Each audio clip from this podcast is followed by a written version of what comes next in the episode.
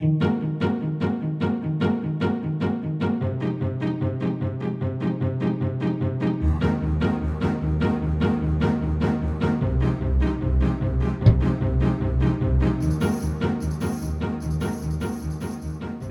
ve Türkiye'nin ilk ve tek e, interkontinental podcast yayını Dış Mihraklar yeni bölümüyle tekrar karşınızda. Her zamanki gibi sunalım. Hollanda Amsterdam'dan Gökhan Avrupa kıtasını temsilen burada. Boston'da normal şartlarda ama şu anda tatilde nerede dedin? Cape Canaveral mıydı? Cape Cod. Cape Cod. Cape Cod sayfiyesinden Önder şu an tatilde ama yine de Amerika kıtasını temsil etmenin sorumluluğunun bilincinde. Mayonla Evet. kum var. Evet, ayaklarda kum var.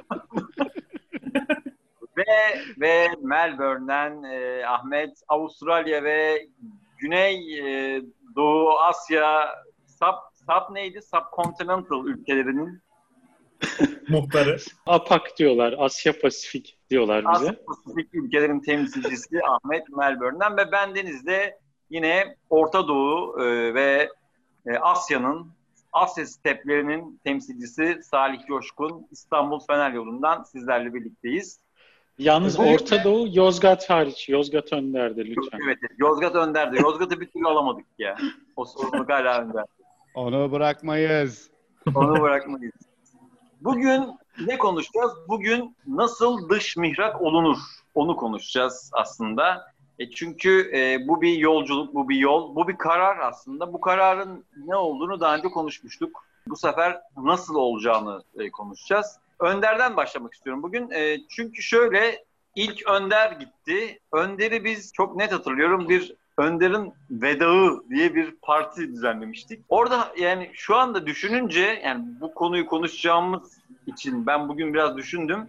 Şöyle bir şey hatırladım ya. Şöyle bir tat hatırladım orada. Hani gidiyor Önder, eğleniyoruz, dans ediyoruz böyle işte tepişiyoruz bir yerde. Sonra bir anda hüzünlendi atmosfer. Ama bu hüzün olayı biraz böyle eskilerin hani o 1960'ların işte Almancıları, yok işte 12 Eylül'lerin siyasi mültecilerin falan olayıdır ya. Bizde aslında böyle hüzün yok normal şartlarda. Ama biz hüzünlendik. Ama Önder hüzünlenmemişti. Biz hüzünlenmiştik. Yani tam olarak da hatırlamıyorum niye hüzünlenmiştik, Önder niye hüzünlenmemişti. Tabii ki bir arkadaşı veda etmek. Çünkü o zaman bir de beraber de tiyatro yaptığımız bir dönemin sonuydu. Nasıl dış mihrak oldun sen Önder? Ee, şeydim ben. Yıldız Teknik Üniversitesi'nde master bitirmiş doktora yapıyordum. İki sene de hatta yapmıştım doktorayı. Yüksek Öğretim Kurumu'nun bursu çıktı. Ben de öyle yurt dışında burs arayan bir insan değilim. Herhalde hayatımın öyle bir şeyine denk gelmiş. Bir arkadaşım bana böyle söyledi. Böyle böyle bir burs var ya filan dedi. Zaten hayatımdaki eğer bu program böyle devam edecek olursa benim hayatımdan kesitlerde hep birisinin bana gelip şöyle bir şey varmış diyerek hayatım Çabuk alt Ondan sonra e, şey yaptım. Aa bakayım başvurayım falan dedim. Böyle niyeyse böyle gidesim geldiydi o zamanlar. Ondan sonra de hüzün dolu bir hikaye değil yani. e, ya aslında şöyle birazcık sıkılmıştım galiba falan. Moralim falan bozuktu. Sonra gidesim geldi. Sonra başvurunca okullara kabul aldım. Bilmem oradan her şey de yolunda gitti. Sonra da burada üniversiteye kabul aldım. İşte oradan çok geç olmasına rağmen kabul aldım. Ondan sonra işte çok geç olmasına rağmen vize çıktı. Çok geç olmasına rağmen her şey sırasıyla oldu bende. Yani böyle hiçbir şey de şey olmadı. Aa gidemiyorum falan olamadım yani. Böyle hani çünkü çok aşırı istekli başlamadığım için belki de birkaç tane aksilik olsaydı hani şey diyebilirdim. Aa olmuyormuş ya aman uğraşamayacağım falan derdim belki ama direkt her şey yolunda gitti. Sonra buradaki üniversiteye geldim. O partiyle ilgili benim anım seninkinden birazcık daha farklı. Aslında ben de çok eğlendiğimizi düşünüyorum ama çok hüzünlendiğimi de hatırlıyorum. Özellikle hiç gözümden gitmeyen bir sahne var. Şeyde yerdeydim galiba. E, dizlerim üzerinde. Er, Erhan'la hayvan gibi ağlıyorduk. Yani böyle şey gibi değil böyle. Anıra Evet, anıra evet. ağlamak vardır ya böyle. Hani öyle bir ağlama anısı Tabii var kafamda. Benim, benim gözümde öyle imaj yok abi. Vardır ya diyorsun yok mu? Anıra anıra. Yok mu? Arada ağlamak vardır ya. He.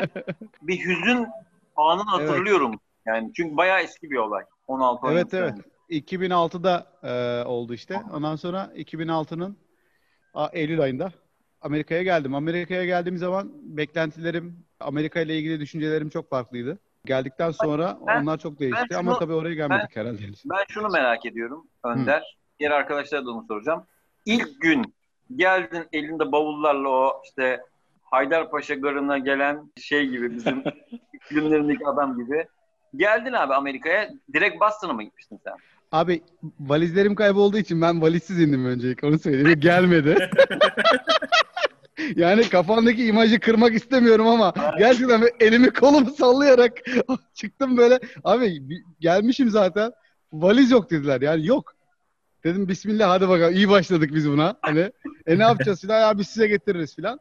Sonra ilginç oldu. Ben ama şey yapmıştım tabii gitmeden önce internet filan tabii o zamanlar yeniydi ama vardı yani. Bayağı bir böyle şey işte toplu taşıma sistemleriyle kiraladığım eve nasıl gideceğimi ev kiralamıştım önceden. Onları falan ayarlamıştım. Hep, hepsi kafamda şeydi böyle. Şuradan şuraya yürüyeceğim, buradan buna bineceğim, buradan buraya ineceğim, oradan yürüyeceğim falan gibi. Çok Google netti. Maps yoktu değil mi o zamanlar? Vardı vardı. Google Maps de vardı. Ha, navigasyon Google falan Maps, vardı. Google Maps Peki- o kadar şey yapmıyordu. İşte toplu taşıma bilmem neyi falan göstermiyordu o zamanlar. İşte lokasyon gösteriyordu. Önder peki 2005'te öyle telefon var mı? Telefonda değildi evet yok.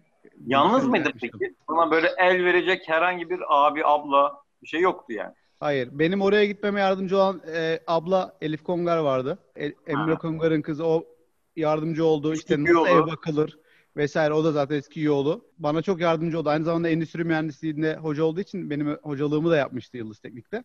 E, çok yardımcı oldu gitme konusunda. Ama tabii orada uçaktan indiğimde yapayalnızdım ve böyle bir kaldım. Bir şey var. İlk anın verdiği bir, bir bakalım nasılmış burası merakı var tabii. İşte genciz. Tamam çözeceğiz. Ev, şimdi ilk yapmam gereken şey gecenin bir vakti indim. Eve gitmem lazım. Hangi şehirde? Hangi şehirde? Boston. Boston'a indim. Aha, direkt New York'tan aktarmalı bir şekilde Boston'a geldim. O zaman direkt uçuş da yoktu. Abi şöyle bir şey oldu. Ben evi ayarlamıştım önceden. Evi bir şekilde buldum. Yani dediğim gibi o kadar iyi çalıştırmıştım, çalışmıştım ki şeyde e, Google Maps'te gelmeden önce bilgisayarımda. Biliyordum yani evin nerede olduğunu çok iyi biliyordum. Böyle sokağını geldim, buldum, köşesini döndüm, çıktım. Kapıyı falan çalıyorum. Açmıyor kimse kapıyı. Böyle bir üç katlı bir daire. Şöyle kapının üzerinde böyle bir tane kare cam var. Oradan şöyle kafamı soktum baktım. Ve yazılar asılı Çince. İlginç filan oldum böyle. Çince yazılar vardı her tarafta. Peki filan bayağı bir kapıya vurdum. Sonra üst kattan birisi indi. Açtı kapıyı. Kafamdaki imajı anlatıyorum. Gerçeklikle alakası ne değil bilmiyorum ama benim gördüğüm buydu. Böyle izbe bir yer. Böyle bayağı loş ışık. Ee, kirli. Merdivenlerden yukarı çıktık. Bir apartman dairesine girdik. Sağlı sollu işte 2-3 tane oda vardı. Odaların bazılarının üzerinde asma kilit takılıydı. Yani bir ev, ev ortamı, ev arkadaşlarıyla kalacağımı biliyordum ama niye asma kilit takılı abi bir odanın üzerinde? Yani geldim böyle burası falan dedi. Benim odamı gösterdi işte. Bir tane yatak. Zaten çarşafım marşafım da yok. Hiçbir şeyim. Çantam mamtam yok orada. Öyle bir tane radyo vardı. Radyoyu açtım. Sonra geri kapattım. radyo evet radyo. radyo. Geri kapattım. Sonra e şimdi ne olacak falan. Yattım yani çok çok ilginçti. Ertesi gün acilen eve işte arayıp e, geldim falan demem gerekiyordu. Telefonum da tabii yoktu. Sen biraz hani aslında yani teknoloji anlamında, imkanlar anlamında bayağı böyle eskide kalmış bir ilk e, gün yaşamışsın sanki. Yani telefon yoktu, işte radyo vardı filan. O, o yani sen bir de öğrenciydin. Hani öğrenciydin. Şimdi mesela e, Gökhan ve Ahmet'in hikayesinden bayağı farklı bir e, kırılma var orada yani. Hı hı. Telefonum niye yoktu ya benim cep telefonum orada onu hatırlıyorum. Belki de orada çalışmıyor muydu? Öyle bir şeydi. Yani te- cep telefonumla arayamadığımı hatırlıyorum. Arama kart ya da uluslararası diye belki aramak istemedim çünkü çok para olacak falan diye düşünmüş olabilirim. Ee, ertesi sabah kalktığımda arama kartları vardı o zamanlar. Ee, ya da bir jetonlu şeyler vardı duvarlarda. Hala vardı onlar yani çok ilginç. Onlarla ararım falan demiştim. Ondan sonra kalkıp ertesi gün öyle aradım zaten de. Radyo olması da ilginç yani. Kaset çalar radyo tipi bir şeydi. Odaya öyle koymuşlar. Gerçekten vardı yani orada öyle. Peki 2006'da gittin, 2020'de yani e, 2006'dayken 2020'de hala orada olacağını hayal ediyor muydun? Evleneceğim, çocuğum olacak. Yok değil mi öyle bir hayal? 2000, 2010 falan gibi Türkiye'ye geri dönecektim şeyden. İşte Yani doktora bitecek bir 4 şekilde yılda. hazırdı aslında. Ha, evet kafada o hazırdı. Ama, Ama- işte öyle olmadı. hayat öyle akmadı. Peki Ama parayı vurunca hocam dedim parayı ki vurunca ya ne döneceğim. Zaten herkes de ne döneceksin dedi bana. İşte yani dönmek Yine onu da birileri söylemiş ama. Yine gaza gelmiş. Ne döneceksin? o zaman başkan kim? Clinton mıydı? Ronald Reagan mıydı? Ya, Hocam ben Başkan 2006'da değiştirdi Önder ya. 2006'da Bush'tu. Reagan, Ronald Reagan. Harry Truman'dı. Ivor. Ee, şeydi ya o işte seçim senesiydi zaten. Ee, pardon 2008'de seçim oldu. Şeydi hala Bush'tu. Sen yani üçüncü başkanı şu an yaşıyorsun. Üç başkan devirdik ya. Başkan dedik. Sonra da İki başkan Joe devirdik. Biden. Üçüncüyü inşallah deviriyoruz. Joe, Joe Biden. Illuminati adam. Bizi çok Biden diye de bir Joe bizi- ama gerçekten öyle yani. Evet. Diyorum Gökhan içimizde en taze giden diye. Değil mi? Önce Gökhan sonra Ahmet galiba. Yok önce Ahmet sonra ben geldim. Hatta Öyle bize e, Ahmet abi anlatıyordu şeyi. Avustralya'ya Evet, nasıl gelinir sonra. En, en son giden sensin. Değil mi? En son Gökhan? giden gelen benim hani En 2018'de son giden sensin. Benim, benim gözlemlerim itibariyle en hazırlıklı giden de sensin yani açıkçası. Önder Ya- ve Ahmet. Aynen. Biraz daha sanki Önder ve Ahmet'in hikayesinde biraz daha böyle e, dımdızlak gitme hali var. Biraz tabii aşırı yorum yapıyorum ama hazırlıklı gittin, Avrupa'ya Evet. gittin, eşinle beraber gittin. Tam değil Yani- aslında. Orası birazcık farklı. Ya şöyle Evet. benim yurt dışına çıkma planım üniversiteden beri vardı aslında. Üniversitede okurken ben bir gün yurt dışında yaşayacağım, orada çalışacağım diye plan yapmıştım. Hazırlığımı da buna göre yaptım. Ben 2010 yılında ilk profesyonel hayatıma başladım işte. Kariyerimi de ona göre inşa ettim. Her zaman yurt dışında böyle talep görecek, yurt dışında benim için fayda sağlayacak türde işlere yönelmeye çalıştım. En sonunda o vesileyle de geldim buraya. İş vesilesiyle geldim zaten. Beni buraya aslında şirket transfer etti. Bu arada şu anki eşim benden bir yıl önce geldi. Bir yıl işte o zaman evli değildik tabii ama ben İstanbul'daydım. Çalışmaya devam ediyordum. Ee, o burada yaşamaya başlamıştı. O da bir iş teklifi aldı öyle geldi. Ben kariyer anlamında o dönem yine gelebilirdim. Hani eşimin Fransız pasaportunu kullanıp da gelebilirdim. Gelmemeyi tercih ettim. Çünkü kariyer için çok faydalı olacağını düşünmedim. Kendim bir de kendim yapmak istedim. Çünkü uzun yıllardır planladığım bir şey koyduğum bir hedef, bu hedefe kendim ulaşacağım diye çabaladım. Sonra da bir fırsat çıktı, bir Çok şirket. bilinçlisin. Çok bilinçli bir arkadaşsın. Evet, çok planlıyım. yani tam tam bir mühendis ya. Ee, planlı, bilinçli. Bu arada e, geçenlerde konuşmuştuk. Benim gerçekten böyle 5 yıllık planlarım vardır. Yıllık ve 5 yıllık aslında. Her yıla 10, 10 tane madde koyarım. İşte 5 yıla da 10 tane madde koyarım. Yarısını yapsam kârdır kafasında. Yurt dışında yaşamak bunlardan biridir. Benim, Ben bugün benim- podcast benim- çekeceğimizi unutmuştum ha öyle söyleyeyim yani. öyle bir fark var aramızda yani. Neyse. Ya, hafta hafta seviyesinde planlamıyorum tabii. Yıllık planlarım ben de. O kadar detay değil de. Gökhan verim nasıl verim? Mesela atıyorum 2000 2010 yılında yaptığın zaman o planı 2015'te nasıl çıktı verim? Ya şöyle dediğim gibi yani 10, 10 madde koyuyorsam bunun 10'da 10 olsun diye bir çabam yok benim. Hayatımı ona göre en azından hani bana yönlendirici pusula gibi bir etkisi var abi. Nereye gittiğimi biliyorum.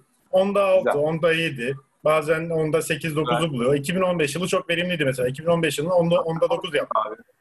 Hocam üniversiteyi hangi ortalamayla mezun oldun? O da onda 7 falan gibi bir şey mi? 3 3 40 Yok falan üniversiteyi ben 10 yılda bitirdim. Ortalamam O da 1.99. planlıydı ama. Tabii. O da planlı değil mi? Tabii, 10 yıl, aynen. 10 yılda bitirdi. Ya aslında şöyle ben geldim üniversiteye ilk hafta okulu bıraktım bir daha gitmedim. Bir tane e, araştırma görevlisi vardı. Buradan duysun beni. ben şeyi bulamadım. Davut Paşa'nın İsim verelim isim. ismini, hatırla- isim. ismini hatırlamıyorum. Fizik araştırmacısıydı işte. Silik bir arkadaş. Evet. Şeyde Davut, Davut Paşa'daki o upuzun koridorlar var ya. iki ders arası 10 dakika. Derslerden birisi koridorun bir ucunda öbürü 4 kilometre 4 kilometre miydi orası toplam? 2 kilometre miydi? Diğer ucunda İki bina. galiba. Ve ben hangi sınıfa gideceğimi bilmiyordum. Ona sormuş bulundum. O da döndü bütün koridora, kalabalık koridora. Millete şey dedi. Arkadaşlar bu çocuk sınıfını kaybetmiş. Birisi yardım etsin de götürsün falan diye. Ben de bir daha okula gitmedim ondan sonra. Ee, ne kadar? 2002 Bizim- İmama kızıp namazdan geri durmak diye bir laf vardır ya. Güzel Tam yok. Amerika'da çok söylerler. Aynen. Sonra anarşizmi kurdum ve falan diye öyle devam ediyor. Neyse konu dallanacak buradan. 2009'a kadar falan ben okula bir daha gitmedim. Sonra işe başladım da okulu bitirmeye başladım da. Sonuç itibariyle bir plan yapmıştım yurt dışına gelmek için. Planda bir yerde şansım da yaver gitti. Çünkü bana gelen teklif aslında ge- gelmek istemediğim bir şirketti bu. Ama teklifleri makul geldi. Ben de atladım geldim bu şekilde. Dediğim gibi bayağı bir önden hazırlık yapmıştım. Eşim de burada yani o zamanlar nişanlı. Burada yaşadığı için ben bir yıl boyunca neredeyse işte 2-3 ayda bir gelip gittim zaten buraya. Ha, senin orada zaten. Aa, tamam o zaman. O kolay. hazır hazır bir iş var yani. Sen peki böyle expat Öyle herkes denen gider abi. Yani işte ben de onu. Sen Hazırlandık Expat- abicim. Sen, sen expat denen sınıfa mı dahil oluyorsun? Expat, Aynen, aynen. expat. beni beni ithal ettiler abi. Türkiye beni ihraç etti diyebiliriz. Yani şöyle çok uluslu bir şirketin temsilcisi olarak. Çok uluslu bir şirket beni bir kaynak olarak e, Tamam. Hollanda'da görevlendirilmek üzere işe aldı. Çünkü ben şöyle biraz baktım abi şu expat işlerine. Expat tanımı biraz o çok uluslu şirketler adına çalışan e, insanlar. Mesela bence Ahmet mesela expat değil galiba. O iş bulmaya gitti oraya değil mi Ahmet? Aa, tabii tabii. Evet. Yani Ben sen, buraya tutunamayanlardan. Detaylı O- anlatırım. evet, evet sen sen expat tanımına girmişsin abi. Bu arada 234 milyon expat varmış dünyada. 234 milyon. Yani bayağı Yani- yaygınlaştı. Ya ekspatlık bir yaşam şekli bu arada. Yani şey gibi konar, konar göçer gibi oluyor. Aynen. Şirket Evet. iki, iki sene git şurada çalış diyor. Oraya gidiyor insanlar. Orada çalışıyor. Sonra yok şuraya geç diyor. Oraya geçiyorlar. Benimki de bir nevi Evet. öyle. Türkiye'den gel burada çalış dedi. Yani o yüzden ekspatların hikayesinde o bizim alışık olduğumuz ya da aradığımız o hüzün olmuyor ya gayet.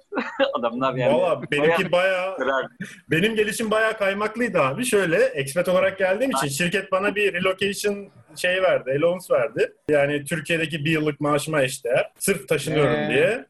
Ondan sonra bir de şey verdi bana. 3 ay ücretsiz bir ev tuttu. Yani kirasını kendi ödüyor evin tabii ama ya ben orada 3 ay boyunca ücretsiz kalabilirim. Ha yok kalacak başka bir yerim varsa da tamam bu 3 aylık kirayı da sana vereyim gibi şartlarla aldı beni işe.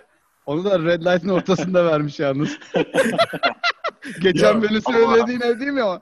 Yok yok o, o değil. Ya şirketin tuttuğu ev şöyle abi. Maslak'ı düşünün. Maslak'ta işte en büyük binası neresi oranın? O binanın ofis olduğunu düşünün. Manhattan. Manhattan. Manhattan değil. 453, 453. E, işte o binayı düşünün. Binanın hemen önündeki sokağın karşı binasının da böyle e, otel gibi, apart otel gibi bir yer olduğunu düşünün. Evi oradan tuttu. Yani ben pijamamla bakkala gideyim dediğim zaman hafta sonu ofisten insanlar görebiliyordum. Öyle sa- sa- saçma bir durum vardı. Bu relocation allowance falan, falan verdiği gazla ben zaten Red Light'a gittim, ev tuttum. Şimdiki aklımda öyle bir şey yapmazdım. Gereksiz bir masrafmış. Evet yani güzelmiş. Peki şöyle yani Ahmet'e soracağım ben ama bu ekspatlıkla ilgili bir araştırma var. Abi HSBC Expat Explorer diye bir anket yapıyor her sene. Çok çarpıcı sonuçlar var yani ülkemiz için de çok çarpıcı sonuçlar var. 2019 yılında yani en son yapılan araştırmaya göre ekspatların en mutlu olduğu ülkeler sıralaması Türkiye 7. sırada. Çünkü çok fazla kriter var. Bu kriterlerden bahsedeceğim. Yabancı hayranlığı.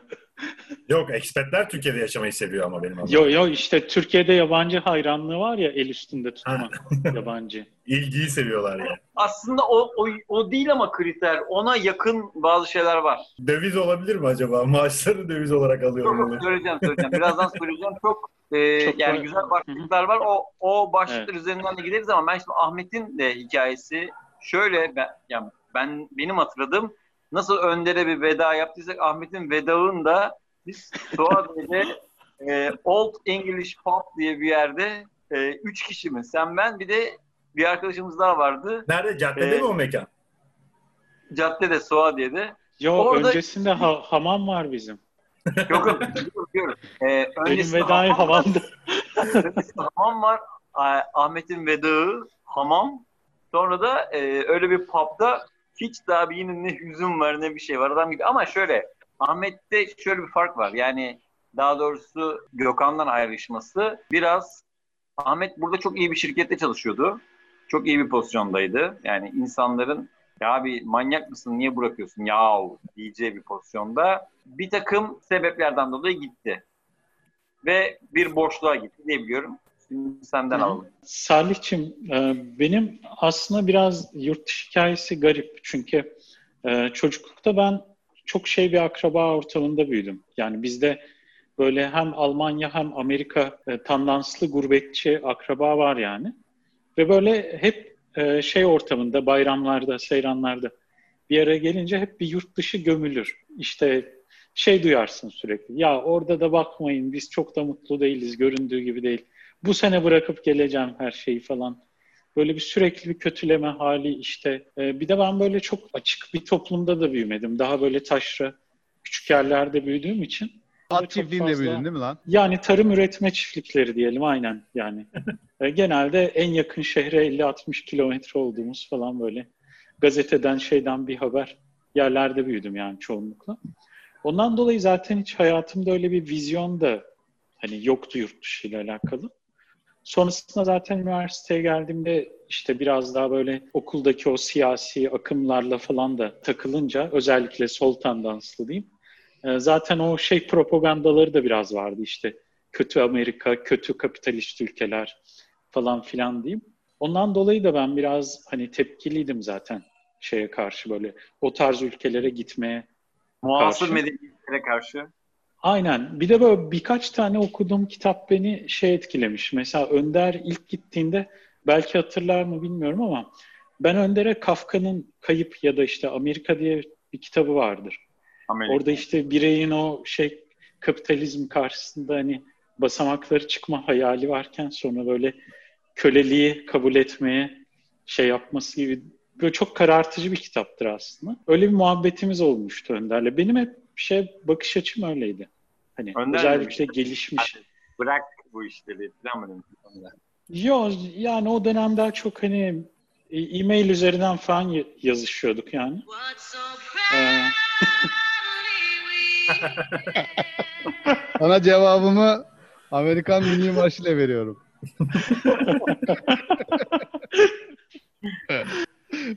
Neyse abi yani benim hiçbir zaman öyle bir çok şeyim olmadı yani. Bir hayalim olmadı. Bir ara işte tiyatro yaptığımız dönem e, böyle Avrupa'da bir iki tiyatro topluluğuyla şeyimiz olmuştu. Özellikle Praga bizim Emre ile beraber bir gitme, hicret etme şeyimiz olmuştu kukla işleriyle alakalı.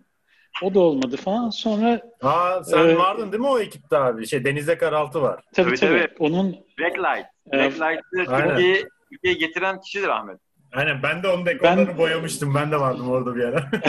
ben, ben değilim getiren kişi ama bizim kulüple tanıştıran dersek daha doğru olur. Ben ve Emre üzerinden. Daha sonra tabii diğer arkadaşlar da işte Taha Duygu. Çok başarılıydı o oyun bir ya. ekibimiz. Evet. Neyse sonrasında işte böyle tam mezuniyet falan eşimle tanıştık. Çok ilginçtir. Eşimle tanıştığımız gün Kadıköy'de bir pub'dayız. Onun böyle çocukluktan beri de şey propagandasıyla büyümüş yurt dışına taşınma ve yerleşme propagandası. Ben de tam tersi böyle.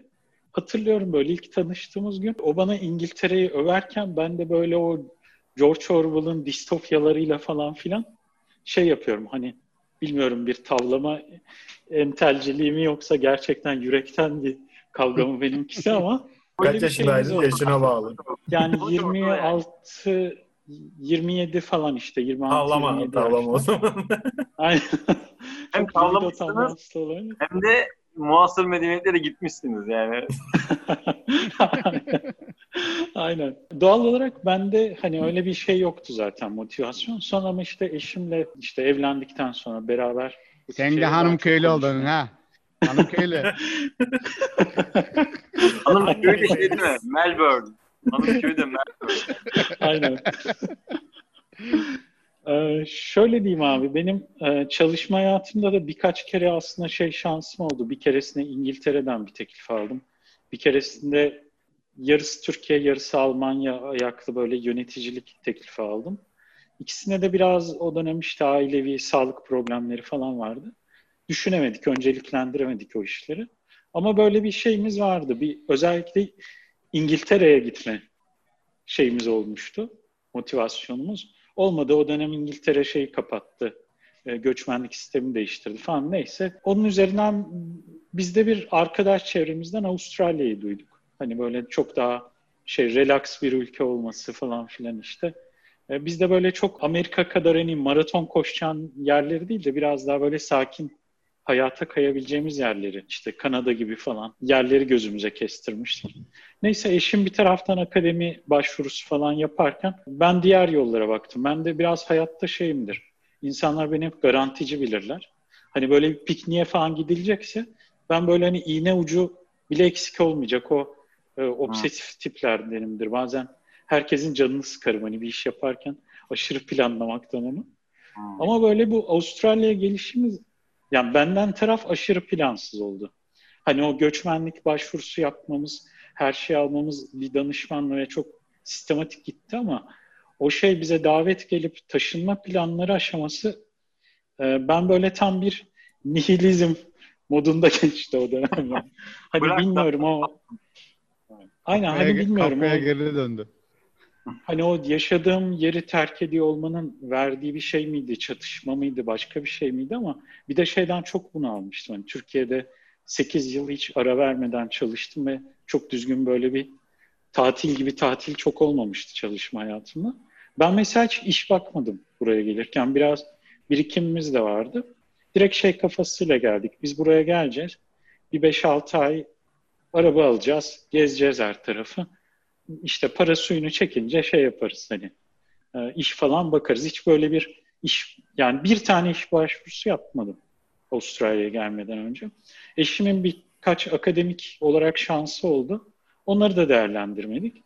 E, Bizim dolayısıyla geliş serüveni böyleydi. Ama hani bizim için itici güç biraz şey oldu sanırım. Yani o 2010 sonrası Türkiye'deki biraz siyasi ortamın daha gerginleşmesi, hani tırnak içinde biraz otoriterleşmesi falan. Ya aslında şöyle bir şey görüyorum yani üçünüzün hikayesi de öyle çok yani dramatik şey yani gitmese de olur aslında üçünüzün de hali öyle. Hani ne siz siyasi mültecisiniz ne bileyim ne işte 60'ların o işçi işçi göçmenlerindensiniz ne işte iklim göçmenisiniz ne işte mültecisiniz falan falan ama sizin gitme şeyiniz biraz böyle özellikle senin Ahmet biraz böyle hani ruh kırgınlığı, yeni bir umut ama yine de planlı diyorsun ya. Yine de öyle bir beat kuşağı falan gibi böyle gitmek, çekip gitmek, basıp gitmek hali yok aslında hiç kimsede. Yani belirsizliğe gitmiyorsunuz. Herkes bir net bir hedefe doğru gidiyor. Yani bir de vardır ya eskiden varmış ya Türkiye'de pek örneği yok bunun ama e, yurt dışında örnekleri çok. Basıp gidiyor adam. Yani gidiyor ve ne olacağı belli değil. Yani gitmek olgusu Aynen, bizde yok o. o. O şey yok. Aynen. Bir şey söyleyeyim mi ama bence herkese kendi problemi çok büyük gelir ya hayatta. Kesinlikle. Hani bazen başkasının derdini dinleyince de bizimki bir şey değil dersin. ben özellikle burada Hintli, Çinli yani buraya gelen insanlarla muhabbet ettiğimde şey görüyorum yani biz biraz hani keyfimizden gelmişiz gibi. Onların yaşadığı Evet, evet. hani e, kalitesiz hayat standardı veya baskı ortamı gibi şeyleri biz aslında e, biz daha çok o tip şeylerin olabileceğinin korkusuyla bir tedbir amaçlı belki bir göç var. Yani bizimki bir tercih de onlarınki mecburiyetti diyorsun abi öyle mi? Aynen aynen. Yani ya siz yine bir tercih ama e, mecburiyete daha yakın bir tercih diyelim yani. yani E, sizin Bence de- en mecburiyet olan mülteci. Evet evet. Şimdi şöyle yani sizin üçünüzün hikayesinde de o, kadar e, yani bir mülteci kadar ya da bir hakkında soruşturma açılan e, insanlar var mesela. E, gazeteciler var vesaireler var. O, onların gitmesi gibi değil ya da e, Tabii. iş göçü de değil. iklim göçü de değil diyorum ya. Sizin durumunuz biraz daha Tabii, şey. tabii. Sadece benim gördüğüm kadarıyla üçünüz arasında Ahmet biraz daha e, o toplumsal şey veya siyasi sorunları da dert ederek. Yo bende de vardı abi. Daha geç gelmeyi planlıyordum ben çünkü kariyer olarak hani bu adımı atmaya hazır hissetmiyordum kendimi ki beklesem belki daha iyi bir adım atabilirdim. Tam benim geldiğim dönemdeki patlamalar, terör, terör olayları vesaire beni çok etkiledi. Ben o dönem sokağa çıkamaz, yani psikolojik olarak sokağa çıkamaz hale gelmiştim. Evet o 2016. Tabii tabii. Yani bir de e, o terör olaylarının 3 ya da 4 tanesi benim evimin çevresinde oldu. Reyna saldırısı, Taksim patlaması işte. e, bunlar hep bana yakın yerlerdeydi. Hatta Taksim patlamasında seninle beraberdik galiba sokakta. Evet evet. evet. Hava, havai, ha, havai fişek salmıştık. Sokağa çıkınca Evet. insanlar koşuyordu. Yani o, o, O o- HSBC olduğu gün mü? yok o HSBC 2000 yok, yılındaydı. Yok, o çok eski. O, onun için kitap okuman lazım. Salih'in kitabında Çok yazıyor. patladık Ahmet. Hmm. Senden sonra çok patladık be koçum. Aynen.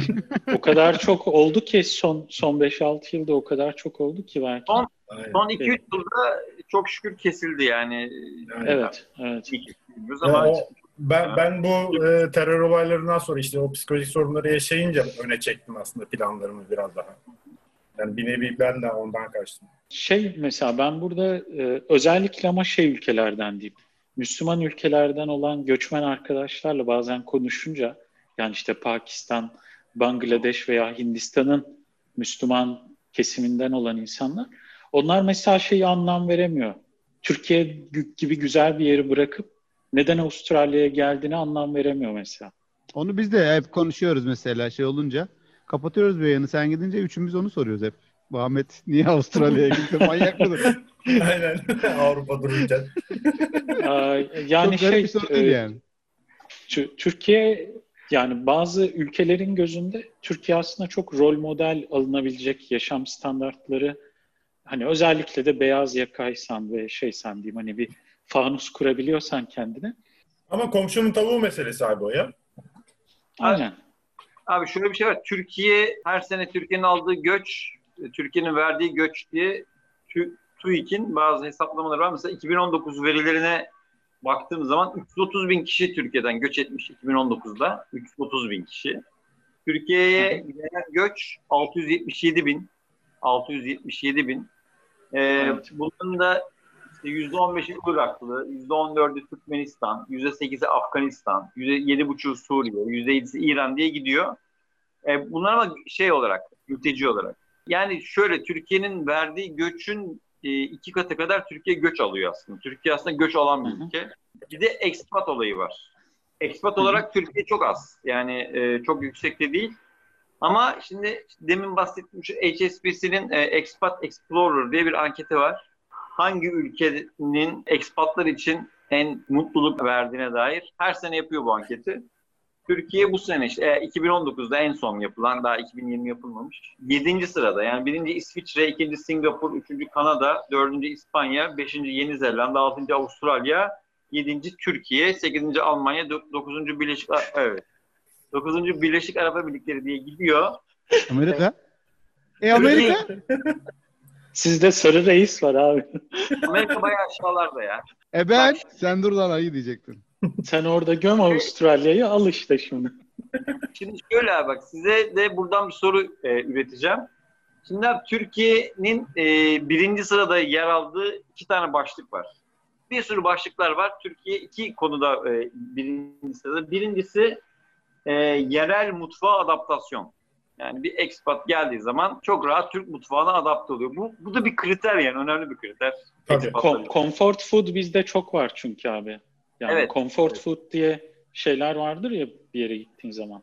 Bizim Yani şu mutfağı, abi. İtalyan mutfağı çok o aralıkta zaten. Zaten, zaten ikinci sırada İtalya, üçüncü sırada Fransa bu başlıkta yani. Ö- ö- Aynen. öyle gibi. Yani herhangi Aynen. bir ülkeli bir adam Türkiye'ye geldiği zaman e, Türk mutfağına adapte olmakta zorlanmıyor. Ya ben onu yemem, edemem falan demiyor. İkinci şey de Türkiye'nin birinci olduğu başlık iş ve özel yaşam dengesi. Yani bu Türkiye'de iyiymiş. Ha. Expat için iyi olabilir. Expat, Yani her expat- expat için olmasa da. E, ama ekspatların işte bu HSBC kendi ekspatlar arasında yapıyor. Çin mesela para kazanma başlığında birinci sırada. Çin'de bir ekspat ortalama 200 bin dolar alıyor yıllık. İyi mi? İyi, iyi para mı 200 bin dolar? Amerikan doları mı? Amerikan doları ise iyi bir para. Çin doları. Çin doları. evet. Yeni Zelanda'nın birinci olduğu e, kriter de şeymiş. Yurt dışında aileyle birlikte yaşamak. Yani aileyle en güzel hayatı Yeni Zelanda. Aa, Yeni Zelanda'yı gördüm. Cennet yani. Evet değil mi? Sizin peki burada benim e, şeyim şu. Sizin şu anda en önemsediğiniz kriter nedir mesela? Bu soruya Gökhan'la başlayayım. En önemsediğin ben abi şunu arıyordum, bunu buldum ama aslında yani sonradan da karar değiştirmiş de olabilirsin. Benim için abi öncelik şuymuş Hollanda'da yaşarken. Diyebileceğim bir başlık var mı? Mesela Ya yemek. Şöyle yani yurt dışındaki yaşam ya benimki biraz daha meraklı. Yurt dışında ben de benim e, akrabalarım çoğu yurt dışında yaşıyordu. İşte aynı Almancı gurbetçi vesaire türünden. E, ben de hep merak ederdim. Çocukluğumdan beri yani oradan çok lüks arabalarla geliyorlar. E, aile boyu doluşuyorlar geliyorlar. Çocukların elinde çok güzel oyuncaklar var vesaire. Böyle yani benim hayal dünyamda orası süper bir yer. E, çikolatalar falan geliyor. Bizim Türkiye'de bulamadığımız ulaşamadığımız vesaire Dedim ben de ileride bir gün burada yaşamak istiyorum. Yani çocukluğumdan beri aklımda olan bir şeydi.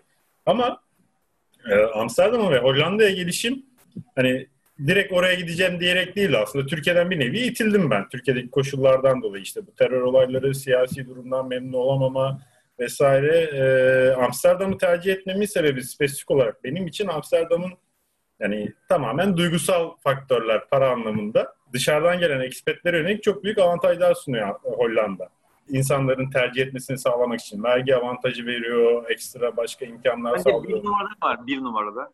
Bir numarada para var abi. Benim başka bir kriterim yok buraya Ha. gelmek için. Para. Yani Türkiye'de ne yaparsam yapayım ben 10 yıldır Türkiye'de çalışıyordum ve hiçbir zaman birikmiş param olmadı ama buraya geldiğim zaman artık birikmiş, birikmiş param var. Yani Red Light'tan mı? Red Light'ta harcamasaydım daha çok olurdu. Bunu bunu eğlence bütçesiyle açıklayabiliriz. Peki senin Önder şeyin ne? En sev- en e, beğendiğin, hoşlandığın, hoşuna giden Hı hı. bir numarada Ya ne şimdi- var? Şimdi ben şey, ben de gelir diyecektim. Daha ziyade gelirin yani muhtemelen Türkiye'de de Türkiye'ye göre çok iyi kazanılıyordur da. Ben şimdi, şi- Amerika'da şöyle bir şey var abi. Özel altyapı yapacağım ondan sonra üzerine söyleyeceğim. Kusura bakma uzatacağım biraz ama şimdi gelir dağılımı çok geniş. Çok geri dağılımı çok geniş olunca ben bu geri dağılımı şeyinde ben tabii buraya doktorasını yapmış büyük bir firmada e, mü- mühendis olarak girmiş vesaire yönetici olmuş bir insanım tabii ki. Ben o geri dağılım skalasında yukarıya daha, daha yakınım. Şimdi böyle olunca ben en, tepe, en zirvedeki tabii ki milyoner insanlar gibi falan değilim ama yani güzel gelir kazanan insan grubundayım. Tabii ki benim etrafımdaki insanlar da öyle. Bu gelir grubundaki insanların kazandığı gelirle yaptıkları harcamalar arasındaki şey denge çok güzel. Yani işte geçen şey örneğini verdim çok işte ona so- sonra bana geri döndü onunla ilgili ama işte arabalar vesaire. Benim geçen gün bir arkadaş buradan Esat duyuyor, din- dinleyecek bunu biliyorum. O, o ya dedi ben burada Grand Cherokee aldım dedi. İşte 30 bin dolarlık araba. Buradaki asgari ücret 2000 dolar. İşte kaç para kaç katı yapıyor işte 15 katı 20 katı olsun diyor.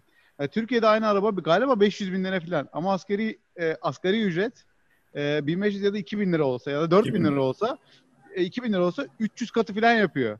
Şimdi o orana baktığın zaman diyorsun ki evet bu gerçekten yani standart insanın yaptığı harcamalar işte benim klasmanımdaki orta middle upper middle class deniyor işte üst orta sınıf insanların kazancıyla çok güzel karşılanabilir harcamalar bunlar. İşte bir tatile gitmek, işte bir e, gemi seyahatine gitmek, e, uçakla Türkiye'ye bir iki kere bir senede gidip gelebilmek öyle çok belini kıracak bir şey değil benim benim klasmanımdaki insanlar için. Ve Evet. ben şey değilim yani. Ben dediğim gibi zirvedeki bir grupta değilim yani. Sadece middle class belki onun biraz üstüyüm. Yani orta sınıf. Bu bu bence benim için kri- önemli bir kriter. Hayat standardı mı denir bunun artık ya da gelir e, harcama dağılımı. Ama bunu Evet. özellikle altyapısını şundan dolayı söyledim. Amerika'nın geneli için bunu söyleyemeyiz. Amerika'nın yüzde kırkında 400 dolar parası yok şu anda. Yani Amerika'nın yüzde kırkının bankada 400 doları yok. O yüzden bunu herkes için söyleyemem ama benim yaşam önemli evet. benim e, sınıfımda bu benim için önemli bir unsur. Ben ona, ona bakarak şey yapıyorum. Ha burası çok iyi diyorum. Hı hı. Onun dışında başka şeyler de var. Ben burada çalışmamın dışında işte özel şirket iş kurdum, şirket kurdum vesaire. Bunlar çok kolay burada bunu yere yapmak. Ee, Türkiye'de de galiba bunlar değişiyor. İşte ona yatırım bulmak, birilerine gidip anlatıp onlardan işte para alıp şirketlerin büyütmek vesaire. Bunlar Amerika'da çok uzun süredir bayağı yapılan şeyler ve e, daha kolay. Ee, Türkiye'de Türkiye'de de yeni yeni görüyorum. Yeni bir kültür o startuplar, Evet. işte yatırımcı aramalar, Evet. bulmalar ama yerleşiyor yani o, o bakımdan. Senin için Ahmet en tepede ne var? Avustralya'da abi şudur ya den diyeceğim. Abi valla Koala. şöyle diyeyim ben aynen Kanguru. koala, timsah, köpek balığı falan. Böyle Steve Irwin gibi bir hayat falan diyormuşum. bir numara abi. Bir numara koaladır yani. Abi ben açık söyleyeyim şöyle ben zaten böyle özellikle mesela Avustralya'ya gelirken hep kafamda şu vardı. Hani bu ikinci el araba satışlarına çok klişe bir laf vardır. Boya takıntısı olan aramasın diye. Hani ben mesela boya takıntısı olmayan gruptanım diyebilirim yani. Ben mesela gelirken şeyi biliyordum mesela kariyer tatminini Amerika'da veya yani bir yazılımcı olarak teknoloji sektöründe çalışan biri olarak kariyer tatminimi daha çok Amerika, İngiltere gibi e, ülkelerde yaşayabileceğimi biliyordum mesela. E, benim daha çok buraya gelme sebebim, yani ailece gelme sebebimiz kafa rahatlığı abi. Çünkü burada çok relax bir toplum var. Hani iklim böyle çok soğuk değil falan. Yani tam böyle şey demeyeyim hani bir ayvalık tadında bir lakaytlık yok hayatta ama yine de çok çok çok relax bir ülke burası. Dünya sorunlarından çok uzak. Yani onun getirdiği bir takım geri kalmışlıklar da var aslında. Hani işte örneğin internet altyapısı çok kötü Avustralya'nın. Veya işte hizmet sektörü çok zayıf. Veya işte o uzak olmasının getirdiği bir takım e, sıkıntılar var. Ama mesela benim için ikinci bonus şey oldu burada. Yani beklemediğim sürpriz. E, ben böyle çok iyi paralar kazanılabileceğini düşünmüyordum Avustralya'ya geldiğimde. Ama şeyi fark ettim. Doğru zamanda doğru yere gelmişim gibi biraz. Yani şu anda burada teknoloji, yazılım sektörü çok talep görüyor. Ee, ve şey yani ülke bir dönüşümden geçtiği için çok ihtiyaç var yazılımcılara. O yüzden böyle biraz el üstünde tutulan bir meslek ve ben beklediğimden de iyi e, paralar kazandım diyebilirim burada. Özellikle de böyle kontratlı, consultant tarzı işler yaparsan benim için o mesela iyi bir bonus oldu.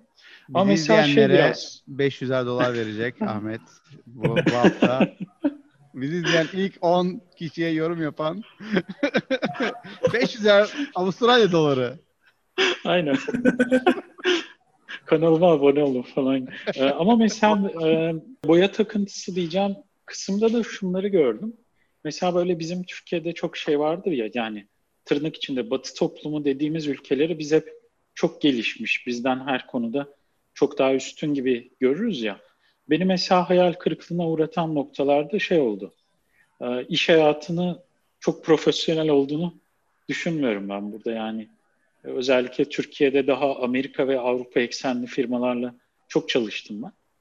Ee, hani onlardaki profesyonellik Avustralya'da yok mesela. O yüzden iş tatmini yaşamıyorum ve çevremdeki birçok arkadaşımdan da farklı sektörlerde aynı şeyi çok duyuyorum burada. Nasıl çok... yok abi? Profesyonel yok derken bir örnek verebilir misin?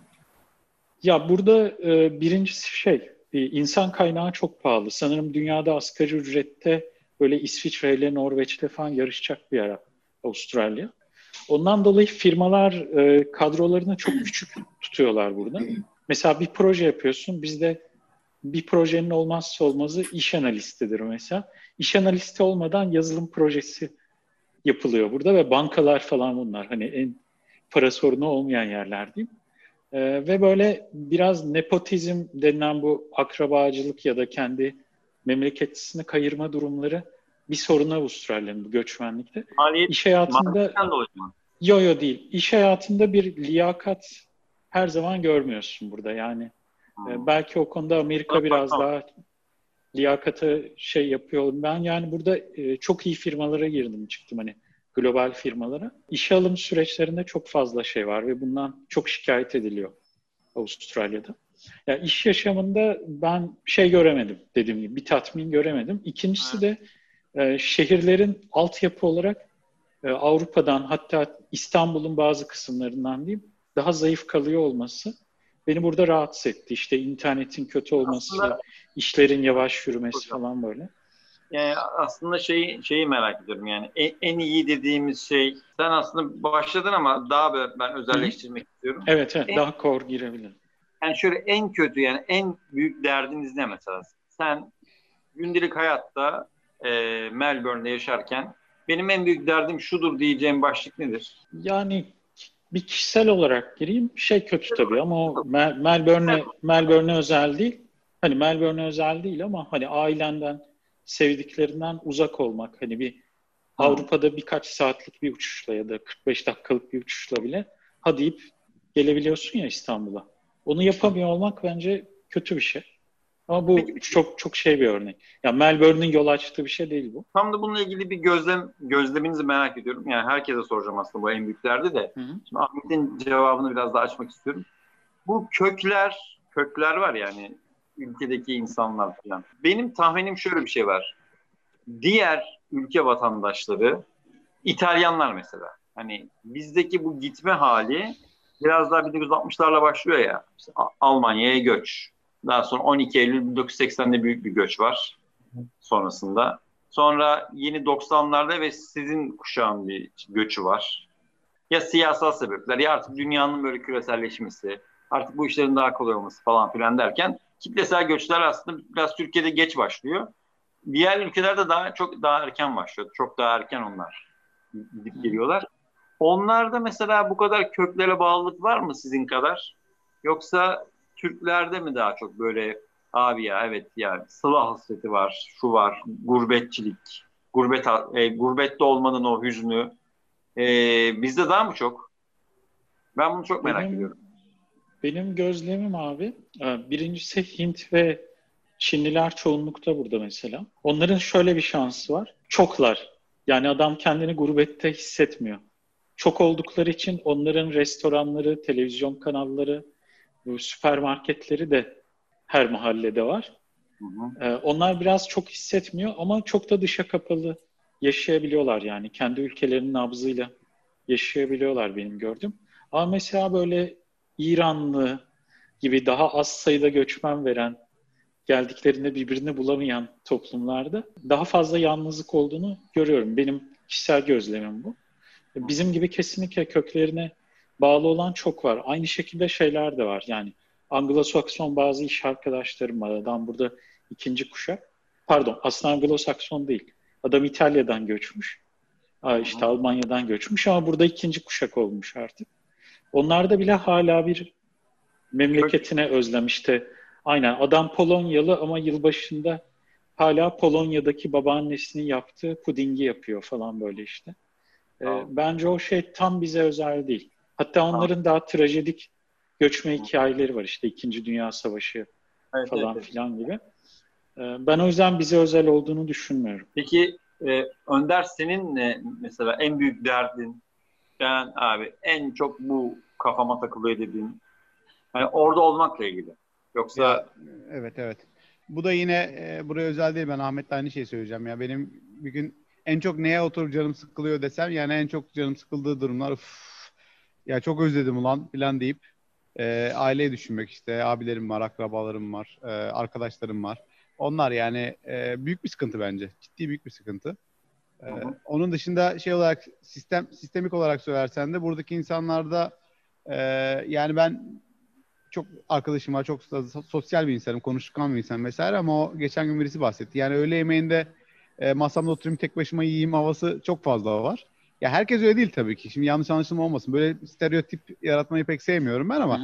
daha çok var. Yani Türkiye'deyken ben tek başıma oturacağım diyen kişi sayısı çok daha azdı. Yani ben öğle yemeğinde beraber dışarı çıkmayalım Doğru. diyen insan pek olmazdı.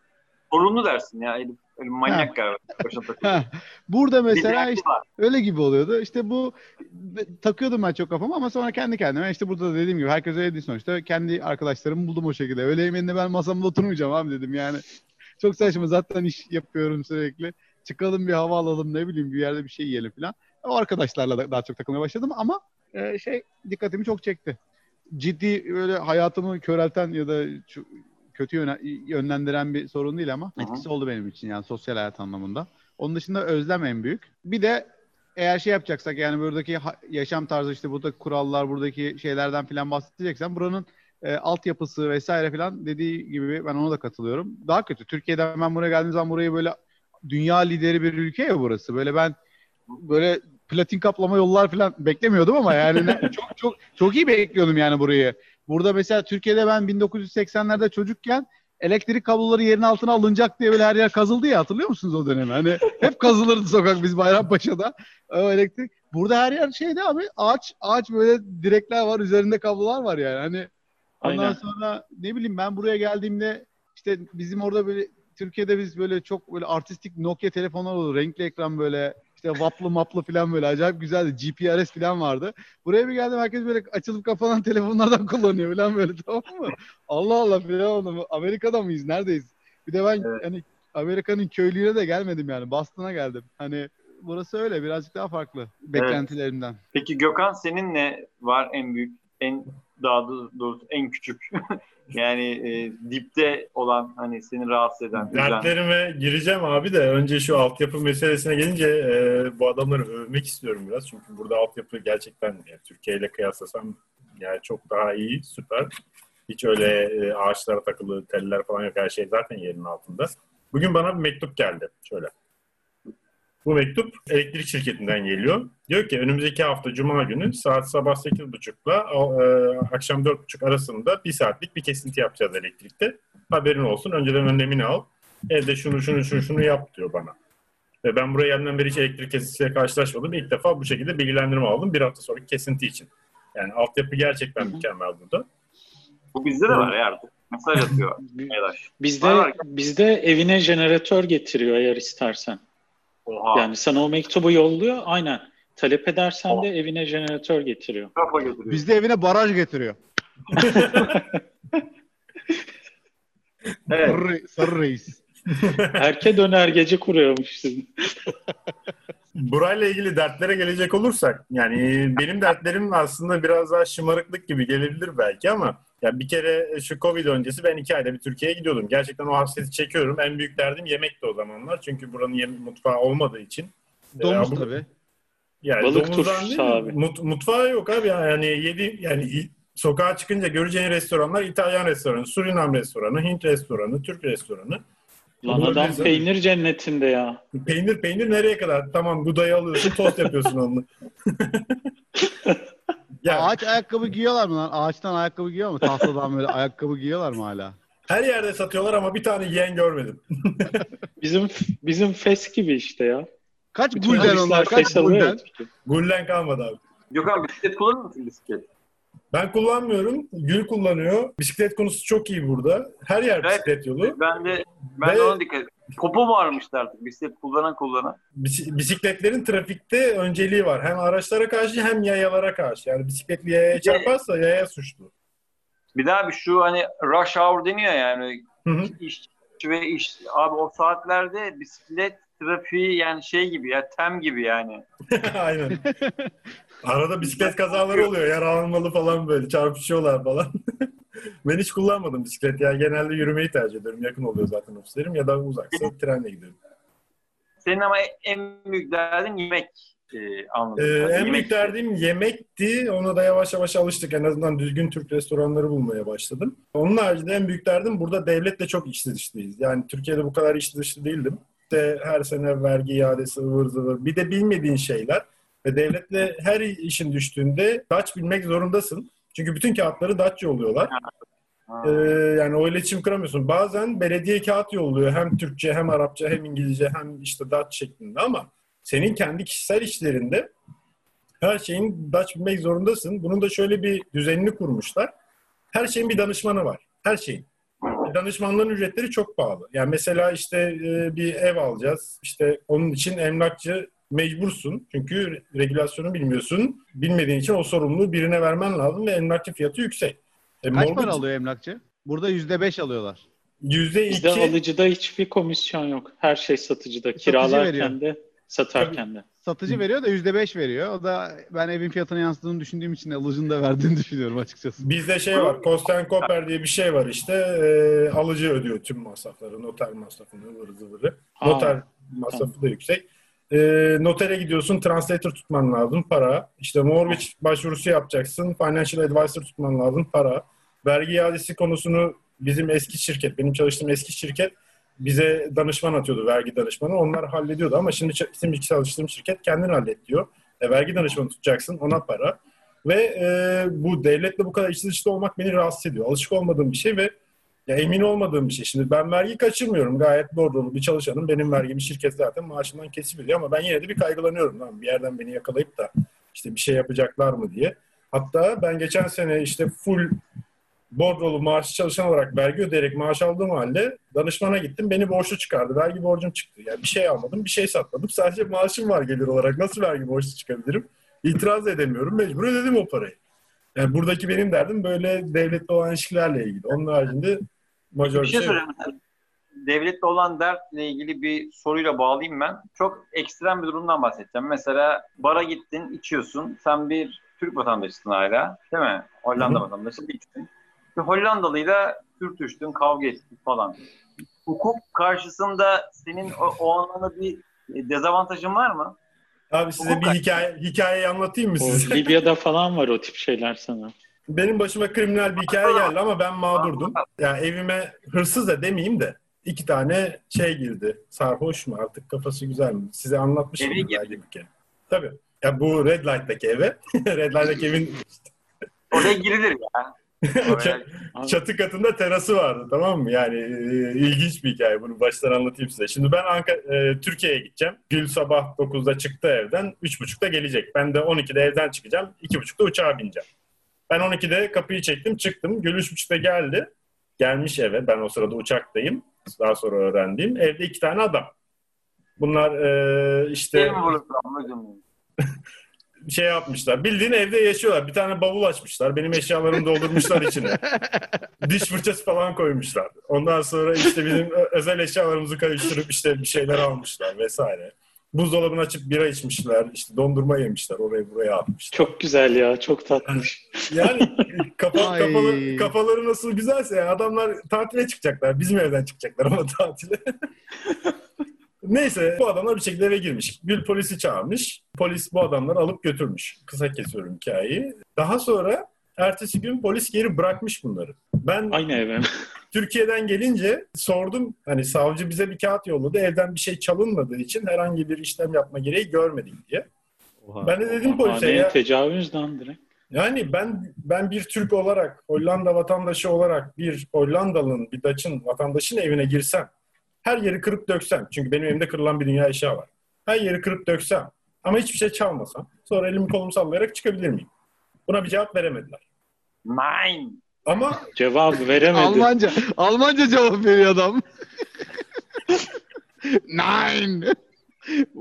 Neden böyle yaptınız? Çok güzel sesini seviyoruz. yani o, o, o konuda çok bir fikrim yok. Ee, şey bile, daha önceki bölümlerden şey bahsetmiştik. Hani bu ülkenin nesini seviyoruz diye bir şey vardı. E, Ben de hani özgürlüğünü demiştim ama hala Türkiye'den kalma tedirginlikler yaşıyorum diye. Onu şimdi şey e, geçen düşünürken fark ettim. Ben polis görünce hala tedirgin oluyorum burada. Ama Abi şöyle, e, bu artık Avrupa'ya mı özgü bilmiyorum. Mesela ben Fransa için şöyle bir şey duydum. E, bunu da Fransa'da yaşayan ve yıllardır yaşayan bir arkadaşım anlattı. Ben şu anda mesela diyor işte atıyorum o, o dönem için 10 seneden beri bir restoran işletiyor kız. Şu anda diyor mesela bir Fransız vatandaşı bir kız aynı ben de aynı özelliklerde ve eğer işsizse e, benim e, işim sallantıdadır diyor. Yani ben sahip olduğum işten olabilirim diyor bir Fransız vatandaşı. E, ben de aynı özelliklerde işsiz hissediyor. Öyle bir sosyal devlet. Kendi vatandaşlarına sosyal devlet diyor ama yani azınlıklar hep azınlık. Yani o sıkıntılar Avrupa'da ben de duyuyorum açıkçası. Yani orada bir ikircikli bir durumlar var. Aynı senin hikayenin Var. gibi. yani, Yani- iş konusunda da var aynen. Bütün HR'lar Dutch'tır mesela. Evet. evet. Hiç yabancı HR yoktur. Hepsi hepsi Dutch'tır. Ancak çok global firmalarda e, yabancı HR vardır. Biz o konuda Evet. çok rahatız burada ya. Yani E, ama ne biraz şey farkı var. Olaylar Homojen bir toplum olmadığı için burası. Göçmen ül- ülkesi. Yani Aynen, aynen, aynen. Almanya sanırım e, İngiltere'yi e, listesine atlıyorum. E, Av- Avrupa'nın en fazla göçmen olan ülkesi yüzde yirmiymiş ya. Almanya nüfusunun yüzde yirmisi göçmen. Yani çok Tabii az değil. Almanya'da tek göçmen biz değiliz bir de. Yani şey İtalyanlar, Yunanlar, 16 İspanyollar. milyon, 16 milyon göçmen var. 4,5 milyon Türk. Yani Türkler Evet, göçmenler arasında işte yüzde 25-130'u falan tutuyor. Evet, evet. Ama yani o, onu diyeceğim yani kıta Avrupası o konuda biraz daha sıkıntılı. Yani sizin e, Avus, sizin Avustralya ve sizin Amerika, Sarı, Reis'in Amerika'sı yani göçmen ülkeler orada e, WASP'la WISP arasında ya da Türk arasında çok fazla e, hukuksal bir fark yoktur değil mi Önder? Var mıdır? Sen sen bir tane Amerikalı geçirsen beyaz beyaz Amerikalı'ya geçirsen onun sana geçirmesi arasında hukuksal bir fark var mıdır? Ee, yoktur ama ben beyazım. Öyle bir şey var. O biraz fark ediyor. Yani gerçekten Yozgat beyazı. yani istatistik olarak konuşuyorum. Benim başıma bir şey geldiği için konuşmuyorum ama çok bir fark olmaz yani. Beyaz Amerikalı ile benim tartışmam bayağı objektif olarak ele alınır. Ama genel olarak criminal ya da şey suç adalet sistemine baktığın zaman siyahlar ve şey deniyor black and brown uh, people of color deniyor bunlara e, bu insanlara. Bunların şeyi istatistiksel olarak haksızlığa çok daha fazla uğradığını ispatlıyor istatistikler. Evet. Ee, e, öyle bir şey var ama dersen ki Türk olarak sen daha şey görür müsün? Bence görmem. Yani ben en azından öyle hissetmiyorum. O da önemli bir şey. Konuşana kadar mesela arabam durdurulmuyor o kadar bilmem ne ama onlarınki durduruluyor vesaire. O yüzden öyle şeyler görmüyorum. Birisiyle kavga edersem de kimin suçlu olduğuna bağlı olarak suçlu olan kişi ceza görür diye bir inancım var yani. Yani. Mesela sen mesela Ozilere böyle kafayı geçirsen ya da o sana geçirse bir fark var mı Ahmet?